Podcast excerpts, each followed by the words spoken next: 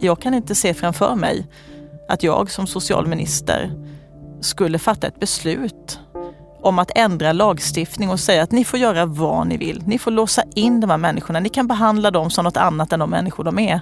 Helt oacceptabelt tycker jag. Och de som går ut och tycker det tycker jag skulle berätta lite grann hur de tänker sig att svensk äldreomsorg skulle sett ut under pandemin och hur den skulle kunna komma att se ut framöver. I våras kunde vi alla uppleva en massdöd av människor på våra äldreboenden. Sjuka kvävdes till döds utan vare sig syrgas eller behandling. Det stora flertalet var de sköraste i vårt samhälle. De vi ju skulle skydda mest. Jag pratar om de demenssjuka. De som enligt drottning Silvia i min förra podd bara blev en siffra i statistiken. Så hur känner den ytterst ansvariga för skyddet av de svagaste i vårt samhälle? Och vad tänker socialministern Lena Hallengren när hon går till sängs och drömmer om coronan? Jag heter Henrik Fränkel och jag fick påsken 2019 diagnosen kognitiv svikt. Och jag vill med den här poddserien göra en upptäcktsfärd in i vår tids kanske mest ökända och stigmatiserade sjukdom.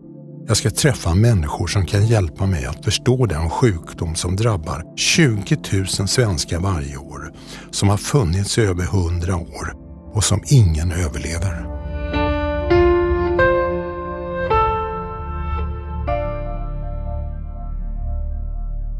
Här i studion har jag socialminister Lena Hallengren. Hej! Hej!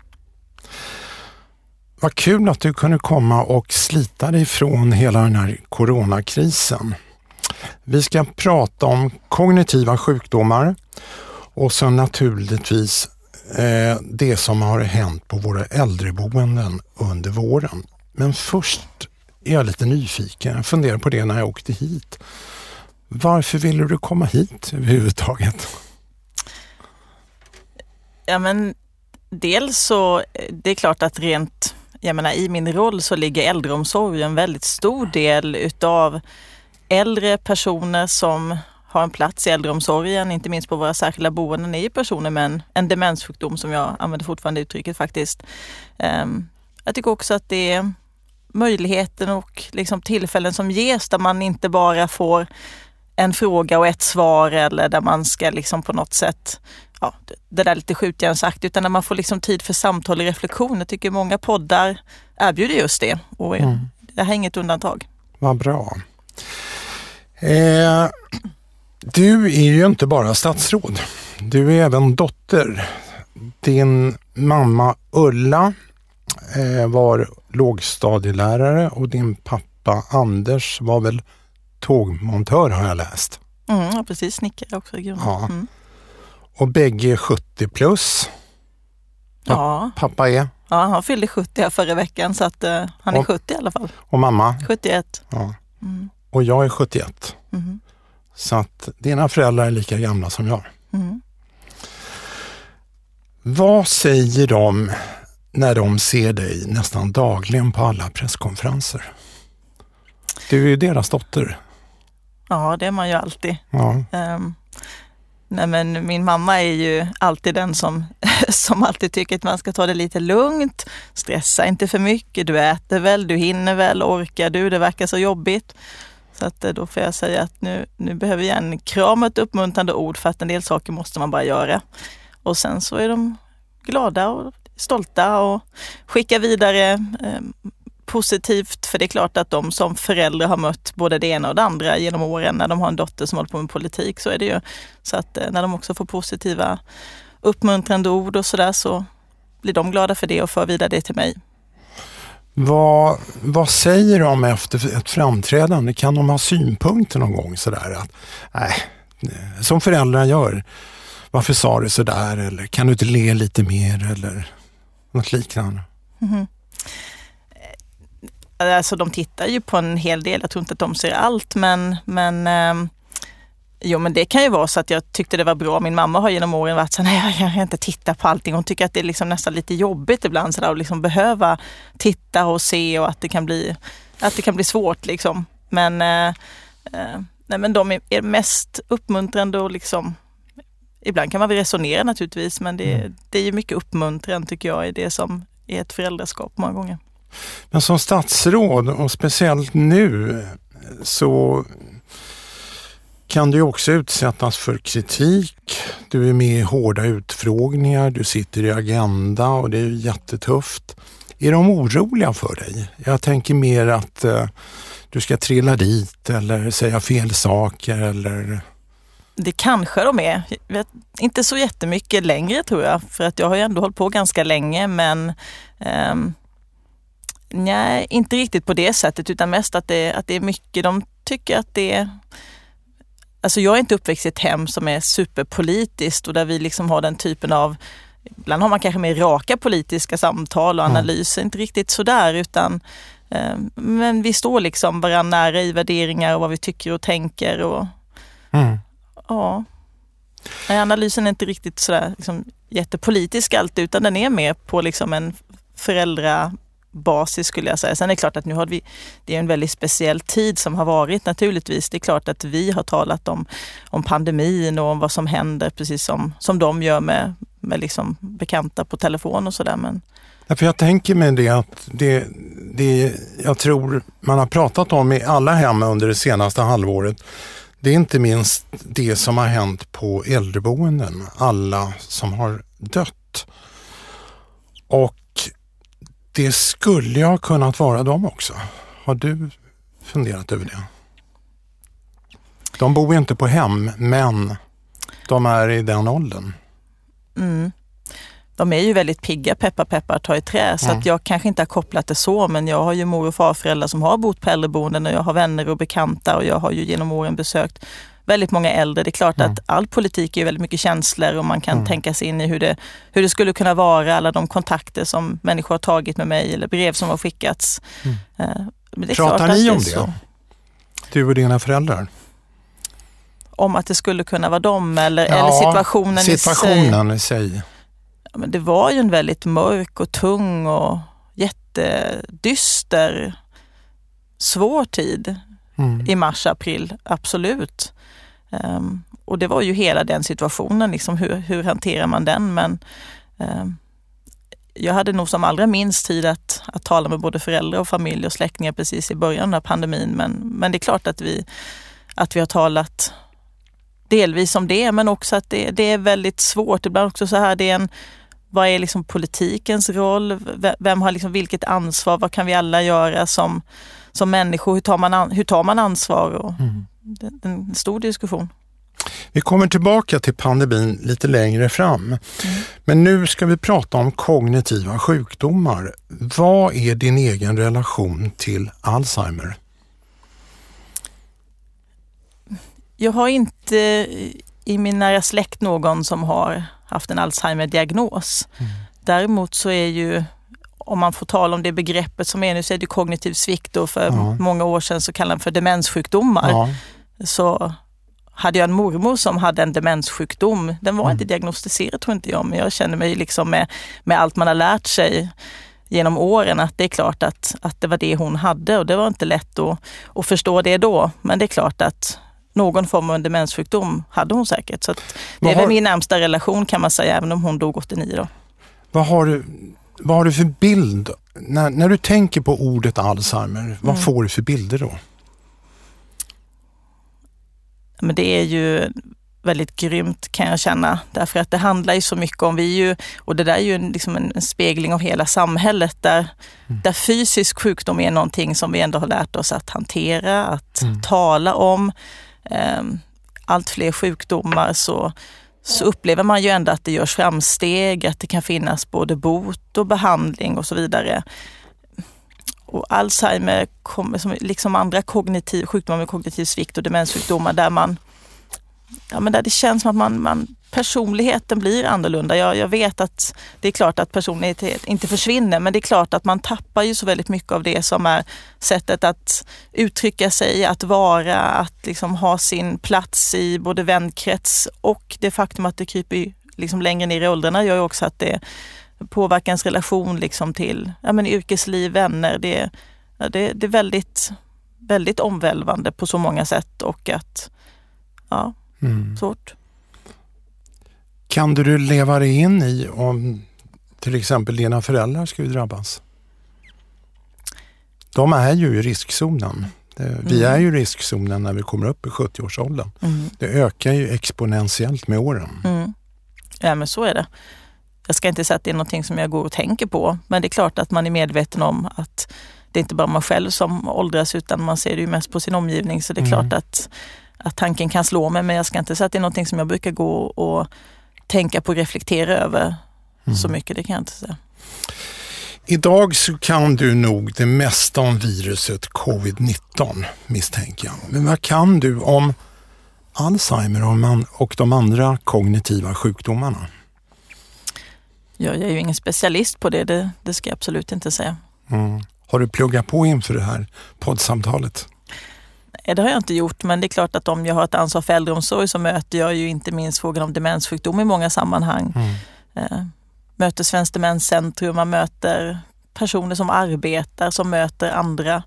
Eh, ett av, ja men ett, ett, ett minne som jag, eller minne, men en erfarenhet, ett möte som jag väldigt mycket bär med mig ett möte som jag hade i, i Lund på minneskliniken där jag fick mm. faktiskt väldigt mycket kunskap och BPSD-registret är inte någonting som är känt kanske i allmänhet för den som arbetar i äldreomsorg och arbetar med med demenssjukdom och kognitiv svikt så är man väl bekant med liksom förhållningssättet.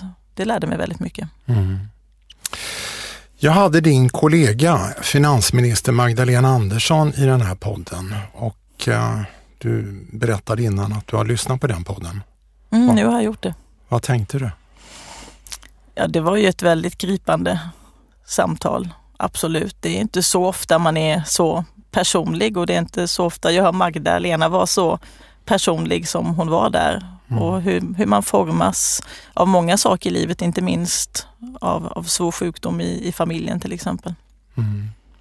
Alltså det jag själv tänkte efteråt, det var hur djupt Alzheimer drabbar alla runt omkring. Magdalenas mm. pappa Göran dog för mer än 20 år sedan. Mm. Ändå började Magdalena gråta direkt mm. när hon kom in i studion som du hörde. Eh, så fort hon började prata om sin pappas sjukdom. Mm. För 20 år sedan dog han. Mm. Eh, vad tänker du om det? Just detta? Ja, alltså dels tänker jag förstås att hon stod sin pappa nära. Mm. Eh, att, ha en förälder, att mista en förälder, det är klart att oavsett i vilken sjukdom så kan jag verkligen, även om det inte har drabbat mig själv, så, så förstår jag ju att det är klart att det är någonting som man bär med sig väldigt länge. Mm. Eh, och beroende på hur man har bearbetat, man får tillfälle att också reflektera. Det tror inte jag att man så ofta får, utan det blir en fråga om ja, men om sorg och att man beklagar, att man minns, men att, att reflektera och sätta ord på mycket av det man upplevt gör man kanske inte så ofta heller. Och att också göra det lite mer publikt än vad man är van vid. Är man politiker så har man ju, det är vissa saker man självklart talar om som politiker. Mm. Det är inte så svårt, även mm. om det kan vara svårt, men mm. det är inte svårt på det sättet. Eh, så det tänker jag, att, att, att bli personlig, att liksom tillåta sig att, att bli personlig och privat. Mm. Det är väldigt speciellt. Hon, lämna, hon lämnade be, bekvämlighetszonen, mm. vilket jag tror att uh, det var befriande inte minst för henne mm. faktiskt. Under, mm. under. När jag själv fick diagnosen trolig Alzheimer våren 2019 så gick jag ut och berättade öppet om det. Och det blev en enorm uppmärksamhet i media. Alla artiklar handlade i princip om att jag bröt stigmat. Mm. Eh, och då, då, är naturligtvis min fråga, varför är det ett så, sådant stigma att ha en hjärnsjukdom? Men inte att ha fel på hjärtat. Mm. Det är två, två ganska viktiga organ. Mm. Ja, men det, jag försökte sätta lite ord på det nyss. Att det, det, är, det är ju någonting i att man upplever att, att man, man blir annorlunda. Man tycker inte att den där personen som man kände, som man tyckte mm. att man kunde utan och innan, som man hade relation till, och man hade byggt den relationen på ja, men både över tid och gemensam erfarenhet och sen finns inte gemensamma erfarenheter kvar och så finns inte, och så finns inte sättet att uttrycka sig. Man, ja, att personlighet mm. tänker jag är, är ju liksom, ja, det är mycket, mycket av den vi är på något sätt bli så påverkat och det tror jag skrämmer oss mm. väldigt mycket. Tanken på att det händer nära anhörig och inte minst tror jag tanken på hur kommer jag att bli? Mm. Mm. Hur skulle jag bli? Vad skulle hända? Skulle jag klara mig själv? Mm. Det är ju väldigt många tror jag som, som, är, som håller med om att känslan av att behöva att ha rätt till vård, det är en sak, men att inte klara sig själv, att mm. behöva den om, omvårdnaden och att inte kunna liksom styra, påverka den. Man, man blir extremt utlämnad och ja, människor kommer minnas en på ett, ett sätt som man kanske inte tycker är den man egentligen mm. var under. Men stigmat beror väl också kanske på okunskap kring Alzheimer. Varför är det sådan okunskap? Alltså begreppet Alzheimer känner alla till. Mm. Men det är väldigt få som vet vad det är för typ av sjukdom. Mm. Har jag märkt. Mm. Vad tänker du? Nej, men det är ju det är många olika begrepp och jag tänker som sagt var på slutet på 80-talet när min mormor var sjuk, jag menar då talar man om senil och senildemens. Det var liksom bara någon slags gytter på något sätt av det var ingen urskiljning nästan i vad som mm. var det ena och så var det andra. Nu har vi ju en, en kunskap om hur, hur otroligt många olika demenssjukdomar det finns. Du talar nu om liksom kognitiv svikt, att liksom hela tiden utveckla begreppen. Det är ju förstås väldigt viktigt. För att kunna tala om en sjukdom så måste man ju ha ord, man måste, liksom, man måste ha ett sätt att kunna tala om det. Mm. Um, mm. Ja. Uh, min egen diagnos ändrades efter ett år från trolig Alzheimer till just kognitiv svikt. Uh, det skedde i maj i år och när jag gick ut med detta så berättade landets ledande forskare inom diagnostik i radion att minst 30 procent av alla diagnoser är felaktiga idag. Vad tänker du om det när du hör det? Nej, men jag tänker förstås att det är otroligt grundläggande både för att man ska förstå sin sjukdom, vad som kan hända, hur man ska agera för att ens anhöriga omgivning ska förstå. Såklart att man måste ha rätt diagnos. Och det, mm du kommer säkert till forskning och så, men det är klart att det är mm. väldigt viktigt med kunskap, med forskning, att lära oss mer för den enskildes skull eh, i den situation man är för att förstå. Men vi har ju också en ambition förstås att jag menar, vi är ju aldrig nöjda med den kunskap vi sitter med här och nu så länge den inte är, liksom är komplett. Och här finns det ju verkligen väldigt mycket som vi undrar, som vi skulle vilja veta, som vi skulle vilja mm. kunna vi kom, hantera. Vi kommer till forskning, men jag, jag tänkte bara ta ett steg vidare och det är Eh, min egen erfarenhet i det jag kallar för Alzheimerland, det var mitt sätt att bygga ett universum kring det här fullkomligt obegripliga eh, kring att bli, bli sjuk. Det är att det finns stora brister i vården av Alzheimersjuka. Det tar lång tid att få göra en utredning. Diagnoserna är osäkra och när man väl har fått en diagnos så släpper sjukvården taget om mig som patient eftersom det finns ju inget vaccin och det finns ingen bromsmedicin. Och den senaste medicinen som har kommit ut på marknaden kom för 17 år sedan. Vad tänker du när du hör mig säga det här? Nej, men jag tänker förstås att forskning är väldigt viktigt. Jag vill ändå komma tillbaka till det, för det är klart mm. att det spelar roll. Det är, den kunskap man inte finns kan man ju inte använda sig utav, så det är klart att det är, är väldigt centralt att, att kunskapen ökar, att en patient inte lämnas mm. eh, till sina egna funderingar och, och mm. eh, ja, men det, det är jätteviktigt. Varje år så får närmare 25 000 svenskar diagnosen kognitiv sjukdom. Det är två fulla Globen. Eh, eller för att använda en annan liknelse, eftersom du kom från Kalmar, ett helt Västervik varje år mm. som blir, eh, drabbas av en kognitiv sjukdom. Och det är en sjukdom som till 100 procent leder till döden. Vad tänker du när du hör de här siffrorna? Nej, men det är ju väldigt mycket. Det är ju min, liksom, det är min spontana reaktion och sen är det ju klart, hur ska livet kunna se ut med sjukdomen? En sak mm. är att vi behöver mer kunskap för att se till att men vad kan man själv göra för att möjligen skjuta på olika ålderssjukdomar? Mm. Det är ju en väldigt viktig sak att mm. tänka på i ett samhälle där vi vet att vi lever allt längre. Vi vill ju också leva så friska liv som mm. möjligt och vi vill lägga friska år till livet eh, och, och, leva goda liv. Så det är ju en sak, men, men en annan sak är ju också hur kan, vi, hur kan vi förbättra kunskapen så att den som får diagnosen även då lever ett, ett så gott och så rikt liv som det bara är möjligt. Mm. Alltså, det är ju då en av världens dödligaste folksjukdomar. Ändå är det otroligt tyst om Alzheimer, inga stora galer, ingen folkupplysning.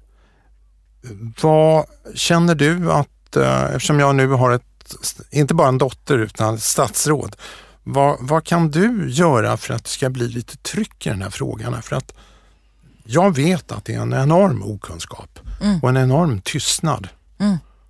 Den här podden är ju ett verktyg i det. Jag ska inte smickra dig för mycket, men det är klart att det är det och någonstans så, så är det ju så att vi måste hjälpas åt och bestämma oss för att de frågor som är viktiga måste man tala om. Jag vet att vi kommer till pandemin men jag känner mig själv besviken över att det var väldigt viktigt med äldreomsorgen så sent som i våras. Jag tycker att den frågan liksom har glidit undan omedelbart och det är inte lika det är inte lika hett, man plockar inte lika mycket politiska poäng. Så i partiledardebatten som var här i september så mm. nämndes ju i princip inte äldreomsorg. Jag tycker det är, det är verkligen sorgligt och jag är, jag är ganska övertygad om att hade det varit en sjukdom som hade drabbat barn och unga, vilket mm. det tack och lov inte är, så är det klart att det hade varit ett helt annat fokus. Mm. Och det tycker jag är signifikant för hela äldreomsorgen. Att det, det är inte det är inte barn och unga med framtiden framför sig och vi ägnar för lite tid tycker jag. Menar du att man ålder. räknar bort de äldre? Ja, jag tycker att vi inte genom åren tillmäter det samma värde att utveckla den verksamheten, mm. att eh, satsa på den personalen. Mm. Jag tycker vi har försökt eh, i många sammanhang men, men det går inte att komma ifrån att det också behövs ett stort folkligt stöd. Mm. Ett folkligt tryck, mm. ett engagemang och det kan ju verkligen också förvåna alla, förhoppningsvis de allra flesta blir gamla, alla vill bli gamla. Men där kan ju du också bidra. Eh, om, vi, om vi pratar om specifikt kognitiva sjukdomar därför att mm. många av dem som demenssjuka hamnar ju på särskilda boenden. Mm. Eh, det börjar med att man får en diagnos och det slutar med att man hamnar på ett särskilt boende. Mm. Eh, kognitiva sjukdomar kostar samhället över 60 miljarder per år och det är mer än vad cancer, stroke och hjärt och kärlsjukdomar kostar samhället ihop. Så det finns ju rent ekonomiska intressen för inte minst regeringen att få ner antalet insjuknade och ett sätt är ju att öka anslagen till forskningen. Det blir lite eh, siffror här, men cancerområdet får sammantaget tio gånger mer till forskning än forskningen kring kognitiva sjukdomar. Vad tänker du när du hör den jämförelsen? Nej, men jag är inte överraskad för jag, jag vet att det är ungefär så. Däremot så vill jag liksom ändå ta tillfället och säga att det är ju inte, det är inte regeringen som säger att cancer ska få tio gånger mer utan det är ju forskningsanslag som kommer från både stiftelser och privata finansiärer. Men varför är det så då? Nej, men jag är nog tillbaka lite grann återigen där jag var förut och säga att cancer är någonting som drabbar genom hela livet. Mm. Um, det har ju varit um, och är fortfarande någonting som berör otroligt mycket. Du, du ställer verkligen eh, Alzheimer och kognitiv svikt mot kanske den, sjuk, den sjukdom, ska jag säga, alla de diagnoser som, som eh, genom åren har skrämt svenska folket extremt mycket. Mm. Som har sett till att man har velat bidra. Och det, det är väl frågan hur, inte varför blir det så mycket insamlade medel för cancerforskning utan mm. hur ska man öka viljan att bidra till forskning när det gäller kognitiv svikt och Alzheimer. Därför att de medel som, som staten och som regeringen avsätter, mm. de, de, de får man ju söka helt enkelt. De har inte regeringen bestämt exakt hur de ska användas. Men, men frågan är ju hur, hur ökar man den eh, viljan? Men det är ju många människors engagemang många gånger som, som alltid liksom sätter igång rörelser. Och, eh, Men regeringen kan ju till exempel gå i bräschen och starta en folkkampanj mot kognitiva sjukdomar på ungefär samma sätt som man har gjort kring, kring på cancerområdet. Ta olika mm. initiativ. Nej, men vi får väl se vart, vart det tar vägen ska jag säga. Vi har ju gjort stora satsningar till Tjänstemänscentrum som jag skulle vilja säga spelar en väldigt stor roll därför mm. att de är nationella, de påverkar i en nationell kontext, de stödjer alla kommuner, de når ut med sin verksamhet och det där är ju ett arbete som verkligen måste Men det krävs få skruvas upp. Ja, det behövs ännu mer. Mm. Mm. Jag skrev en artikel på Dagens Nyheter Debatt i somras eh, där jag var imponerad av den här enorma kraftsamlingen i världen som finns kring att ta fram ett vaccin mot covid-19 och där skrev jag också att man ska inte relativisera olika sjukdomar men jag kan ju bli lite avundsjuk på kraftsamlingen just kring coronaviruset. Mm. Kan du se framför dig en liknande kraftsamling för att ta fram ett botemedel mot Alzheimer? Jag kan få samma känslor som du beskriver mm. när en värld kan samla sig kring corona viktigt att man gör det förstås kring mm. det här vaccinet. Och jag har ju slagits många gånger av, tänk om samma kraft hade lagts för att vaccinera alla barn mot mässlingen. Tänk mm. om samma kraft hade lagts mot att ta bort antibiotikaresistensen och se till att öka kunskapen för att vi ska ha verk, verkningsfulla antibiotika i framtiden. Du nämner ytterligare ett område. Världen har ju eh, tyvärr inte alltid den förmågan ska jag säga, att bli så förlamad som har blivit den här pandemin. Det säger någonting om det är möjligt men det sitter väldigt långt inne. Mm. Vi har ju hela klimatkrisen som ju också går att relatera och säga tänk om man kunde, vi ser ju att man skulle behöva. Det går. Men det, det går men det, det, är, det är svårt och det gäller alltid att fånga tillfällena som, mm. Eh, som kanske inte ges så många gånger. Mm. Det finns ju faktiskt en direkt koppling mellan demenssjukdomar och covid-19. Och jag såg i en intervju med dig att ditt svåraste beslut under den här krisen var besöksförbudet på äldreboenden. Vad var det svåra med det? Det svåra var inte att vi såg ett behov med en ökande smittspridning och en antagande pandemi som verkligen var exponentiell under en väldigt kort tid. Det svåra var att jag förstår naturligtvis att den som bor på ett särskilt boende, den personen skulle inte då få ta emot besök i sitt hem, i sin hemmiljö, skulle inte få det som kanske är det viktigaste. Det är, det är nära kontakt, det är någon som både håller en hand och ger en kram och det är någon som är ute och promenerar. Det där besöket som eh, Även om man ibland har glömt att besöket har varit så betyder det väldigt mycket för många som är demenssjuka, som är oroliga, där det kan vara den, en nära anhörig, en make, maka, partner som är den som lugnar, så inser jag att det, det, ger, det finns liksom en annan vågskål verkligen som påverkar måendet. Och det var ju därför det var väldigt viktigt att säga från början att man både måste kunna göra undantag men att man också sen så fort smittspridningen eh, skulle jag säga något avtog så blev det också viktigt att ordna säkra besök och nyttja tillfället till, till utomhusvistelse och så vidare. Mm. Nu ska ju det här besöksförbudet hävas eller har ja, hävts. Första oktober hävts. togs det bort. Ja, just det. det mm. Kan du se framför dig att det införs igen?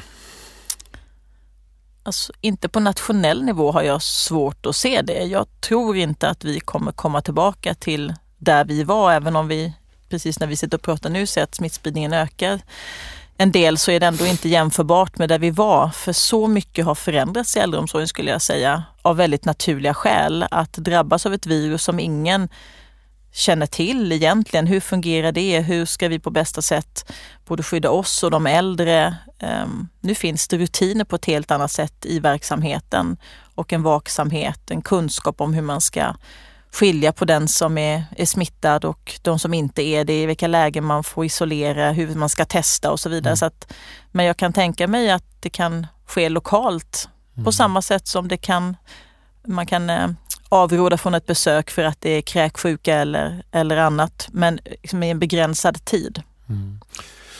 Det stora flertalet av dem som har dött i coronan det kommer nog visa sig vara de mest sårbara i vårt samhälle och då pratar jag om de demenssjuka. Vad tänker du om att det är just de som har dött och som, eh, som har fått ge upp sina liv? Jag tänker att det, nu säger du demenssjuka och det, det kvarstår väl om det är exakt så, men det är klart att det är de äldsta, de sköraste, de sjukaste och vi vet ungefär hur många av dem som också bor på ett särskilt boende och där bor väldigt många med demenssjukdom så det är ju ingen, ingen eh, mm. lång, eh, långsökt slutsats på något sätt. Nej, men det visar precis det vi vet, att den som, är, den som är allra mest i riskgrupp, det är ju just den gruppen. En grupp som, som vi också vet som faktiskt kan avlida av en influensa. Eh, och det är klart att om de då utsätts för ett virus som vi vet för lite om. Men vad vi vet är att det är dödligt och att det ökar med ålder och att det finns många riskfaktorer så, så är det förstås otroligt tragiskt. Mm. Men det var ju faktiskt prioritet nummer ett i regeringens strategi, att skydda de mest svaga. Och då tänker jag att eh, eh, om jag får gå tillbaka till, till dig, Lena, att se hur dödstalen sköt i höjden på våra äldreboenden där i mars, april. Vad, vad kände du? Nej, men då tyckte jag, jag tycker det fortfarande, men du frågar hur jag upplevde det då. Ja. Det, det, var naturligtvis fruktansvärt och, och, vi följde ju vi följde utvecklingen liksom, i en hel värld, i Europa och mm. också i Sverige. Att det, att det kom till Sverige med en sån kraft, att det gick så fort och att det skedde en sån en sån snabb ökning, det var, det var ja, förstås fruktansvärt. Mm. Tänker jag för alla att, att följa det, att försöka förstå det och framförallt att, att liksom göra allt man kan för att det inte ska hända. Det var ju ingen som satt med armarna i kors och mm. tyckte att det var ju synd att det blev så här. Utan att skydda liv och hälsa, att se till att vi hade en sjukvård som var rustad, som gjorde att ingen skulle dö mm. för att vården inte räckte till. Det var ju en av de riktiga uppmaningar som, som vi fick från Italien och andra länder, att se till att ni har en sjukvård som klarar av det här. Och det var ju ett väldigt stort fokus. Mm. Men med den stora smittspridning som vi sannolikt fick väldigt tidigt från många olika länder gjorde att vi hade en spridning i hela samhället. Och vi har ju en äldreomsorg som är organiserad på ett ett väldigt fint sätt kan man tycka. Men, men det är klart att när äldre människor, så sköra, finns samlade och som inte klarar sig själva, då, då måste någon också komma, komma till deras eh, undsättning. Någon ska komma och arbeta på ett äldreboende. Har man en smittspridning i ett helt samhälle så, så på flera håll så, så kom också smitta in. Det såg inte ut så överallt ska jag säga, men, men på Nej. för många ställen. Jag hade drottning Silvia i min podd för några veckor sedan och jag vet att du har lyssnat på den. Hon säger där bland annat att, att det mest skrämmande har varit att alla döda bara blivit en siffra i statistiken. Och därmed så antyder drottningen en kritik mot strategin att skydda de mest utsatta. Tycker du att drottningen har fel i den analysen? Jag tycker kanske inte att jag tolkar drottningen riktigt på det sättet. Jag Hur menar, tolkar du henne då? Nej, men jag tolkar henne förstås som att kan man säga något annat än att det är en tragik att människor eh, avlider, att människor eh, blir smittade av ett virus som vi alla vill skydda mm. oss själva och våra nära och kära ifrån. Men det är inte riktigt samma sak som att säga att vi skulle haft en helt annan strategi. Mm. Utan vi hade en strategi och vi har en fortsatt strategi och den har aldrig handlat om någonting annat än att, att göra vårt yttersta för att rädda liv och hälsa. Men det är ju en pandemi som har slagit mot en hel värld och Sverige är ju inget undantag som har drabbats hårt. Och jag Däremot är vi väldigt duktiga på statistik så att det är många gånger svårt att få jämförbar statistik men, men tids nog så kommer den att finnas. Och jag är ganska övertygad att det är just gruppen äldre, det är de som har haft svårast att stå emot. Beroende på hur samhället är organiserat så, så har de personerna drabbats på olika sätt. Um, om de har funnits i, i hemmiljö eller på ett sjukhus eller på ett äldreboende. Och det är klart att det är man kan inte använda andra ord än tragiskt, men jag tycker inte att det är samma sak som att vi skulle haft en helt annan strategi. Nej. Det kanske inte var det hon menade heller, så att jag ska inte lägga de orden i hennes mun. Eh, på dagarna så måste ju du hålla masken. Eh, du är statsråd, vi ser dig på presskonferenser hela tiden och många tycker att du är väldigt skicklig. Men det kommer ju kvällar också när du bär med dig alla bilder på till exempel gamla som har dött på äldreboenden helt ensamma. Många har du fått läsa om har vare sig fått vård och kanske inte ens syrgas. En del kanske har kvävts till döds. Eh, och det hade kunnat vara dina egna föräldrar eller jag. Vad, vad, vad händer med dig liksom när du tar av dig statsrådsuniformen? det är så här att... Eller tänker du likadant på kvällarna som på dagarna? Nej men jag, jag vet inte om det, om det finns någon bild av mig och andra politiker att vi skulle vara, liksom, ha någon slags mask på oss och okänsliga och inte kunna ta in det som händer på dagtid. För det gör jag hela tiden. Mm. Så på det sättet är det ingen skillnad. Men jag vill snarare vända på det och säga att det är klart att jag tar in det också när jag ser det. Jag tycker det är, det är väldigt eh, det är väldigt, ibland är det sorgligt, ibland blir man förbannad. Eh, ibland så måste man ju också se till att det där liksom leder, ibland, det måste ju leda till handlingskraft. För mig handlar det om att också få veta vad, hur står det verkligen till?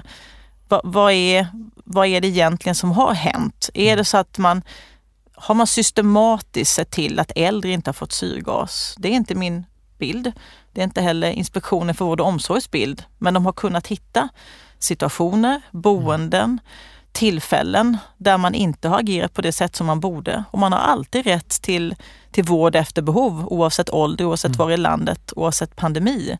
Och det där är ju viktigt att reda ut, att inte fastna i liksom rubriken och det här som skapar uppmärksamheten för mycket. Men det är klart att det påverkar mig precis som det påverkar andra politiker. Politik är ju förstås pengar och det är fakta och det är utredningar och analyser men det är ju väldigt mycket känslor. Mm. Det är ju att vilja skapa ett samhälle för sig själv och, och alla andra som man, som man tycker är det mest välfungerande. Så att, eh... Men jag såg, jag såg en intervju med dig att du, du sa att du drömmer om corona på nätterna. Mm. Vad händer i de där drömmarna? Mm. Jag ska inte säga att jag gör det nu faktiskt. Nej, men då under våren. Men det här under våren. Vad hände? Ja, nej, men det var väl ett uttryck av att det tog liksom aldrig slut. Det fanns inte tillfället att säga, nej men nu är klockan 17, 18, 22 nu. Nu tänker jag på något helt annat. Det, det liksom, jag levde ju verkligen med corona och det gjorde jag tillsammans med, med mina medarbetare, med en myndighet, med ett helt land skulle jag säga. Men jag hade väldigt svårt att inte tänka på det igen. Mina barn tyckte att jag inte kunde prata om någonting annat. Så att, eh, någon gång i början på mars när alla tyckte att vi började prata om det, då tyckte de att det räckte. Så att, eh, mm. ja, men det, det, har, det har präglat och det kommer att prägla lång tid framöver. Mm. Det har också blivit uppenbart eh, att många demenssjuka även spridit viruset vidare på sina boenden. Det har ju blivit en debatt om det just nu. Ja, nu är vi lite grann i ett sånt läge där det har blivit en debatt och där det inte är helt klarlagt hur det faktiskt är. Mm. Men det är klart att jag inser att en person som, om man vet vad en demenssjukdom eller en kognitiv svikt, vad det skulle kunna innebära, att man inte förstår eh, kanske den instruktionen. Man förstår inte alls vad, vad den här pandemin innebär, vad man ska tänka på, varför man inte helt plötsligt ska vara nära andra, varför man inte ska gå in på någons rum och så vidare. Eh, så är det eh, utmanande. Men jag kan ju liksom inte se framför mig att vi skulle agera på ett sätt som jag hör en del uttrycka. Man lindar in det lite grann och säger att vi borde ha kunnat få vidta alla tänkbara åtgärder. Jag kan inte se framför mig att jag som socialminister skulle fatta ett beslut om att ändra lagstiftning och säga att ni får göra vad ni vill. Ni får låsa in de här människorna. Ni kan behandla dem som något annat än de människor de är. Helt oacceptabelt tycker jag. Mm. Och de som går ut och tycker det, tycker jag skulle berätta lite grann hur de tänker sig att svensk äldreomsorg skulle sett ut under pandemin och hur den skulle kunna komma att se ut framöver. För man ändrar inte sådana lagstiftningar och bara ändrar dem, utan det har funnits genom åren människor, grupperingar eh, som tycker att det är så svårt. Vi kanske borde använda mer tvångsmetoder. Mm. Vi kanske borde se till att låsa in den som inte som annars skulle kunna göra både det ena och det andra. Den som inte personalen mäktar med. Och, och det här BPSD-registret, eh, det innebär ju helt enkelt ett sätt att arbeta där man verkligen går igenom väldigt systematiskt. Hur möter vi den här personen? Vilka symptom är det vi ser? Mm. Och hur bemöter vi det med kunskap? Mm. Inte med våld, inte med tvång. Därför det gör inte situationen bättre och det är inte värdigt. Man kan också säga att det bor ju nästan 85 000 personer på ett särskilt mm. boende. Mm. Om 70-80 procent av dem har en demenssjukdom, då är det ingen liten utpekad grupp. Det är hela den målgruppen. Mm. Och jag, jag vill inte på något sätt förminska svårigheten eller de utmaningar som personal och medboende utsätts för när mm. någon med en demenssjukdom inte gör det som den borde eller liksom agerar by the book. Och så. Det, det vill jag inte på något sätt förminska. Men vi kan inte möta det med något annat än med kunskap och med personal. Vi kan inte möta det med tvång och tro att man kan, om vi talar om isolering till exempel, för hur lång tid då? Mm. Jag tycker att det, vi måste, vi måste, vi kan inte ha ett samhälle där vi talar om att människor som är äldre som har en demenssjukdom, de ska vi inte behandla på ett värdigt sätt. Jag tycker inte att det är det. Mm. Vi börjar närma oss en avslutning men jag tänkte eh, återkomma till din mamma och pappa. De är ju i riskgrupp eh, för att smittas också. Hur har ni umgåtts? Alldeles för lite. det kanske är bra. Det kanske är bra. Ja, men det blir, väldigt, det blir väldigt annorlunda och alldeles för lite så känner jag. Mm. Jag har jobbat väldigt mycket men också det faktum att man, att man ska vara försiktig. Det har varit promenader, mm. att ses utomhus. Eh, nu är vi inte menar, är man tre personer så, så kan man också ses. Man kan sitta på balkongen och man kan till och med ses eh, under, under begränsad tid inomhus där man liksom sitter med stort avstånd ungefär som du och jag sitter här en stund. Mm. Eh, så det är ju liksom på det sättet. Det är ju inga, det är inga stora kalas. Det är inga... Vad har du som det blir dotter ingen stort kunnat göra? Kalas. Förlåt? Vad har du som dotter kunnat göra för att underlätta deras mm. liv? Men precis till början så handlade jag lite åt dem också. Sen, mm. sen tog tyvärr socialministeruppdraget lite för mycket tid för att jag skulle hinna med det. Men, men det handlar om att försöka ha tid, att, att ringa ibland, att prata, att mm. ja, försäkra sig om att, att det står väl till. Eh, vi ska avsluta men min sista fråga är vad, vad bär du med dig Eh, efter det här samtalet? när man påverkas av allt det man gör och liksom på något sätt fyller på både kunskap och engagemang. Jag, jag tycker ju, och jag, ska, jag säger det igen, att, att, liksom, att ge det den här uppmärksamheten, det, det är ju helt nödvändigt. Det är få tror jag som, och det vill också ligga lite i, i det på något sätt att ofta är det äldre som drabbas, som kanske inte alltid är lika verbala, som inte alltid har de kanalerna som man har på något sätt när man är lite yngre, när man är mitt i livet, när man är yrkesverksam. Så att, att ta alla de tillfällena som finns. Men jag tar med mig hur, ja, men vilken, både att det är en, en sjukdom som drabbar väldigt många. Det har jag hört många gånger förut. Jag möter ju personal, jag möter anhöriga mm. eh, som också påminner om det. Men det här är ännu ett tillfälle som, som påminner mig om hur viktigt det är att vi, att vi inte ger oss. Vad bra. Lena Hallingren, jag är otroligt glad att du ville komma till min podcast. Tack! Tack! Och tack till alla lyssnare också. Bloggen och podcasten Hjälp har jag Alzheimer har också en insamling till förmån för kognitiva sjukdomar. Ni kan hitta den på alzheimerfonden.se. Podden Hjälp har jag Alzheimer produceras av stiftelsen Alzheimer Life och görs på Beppo. Beppo.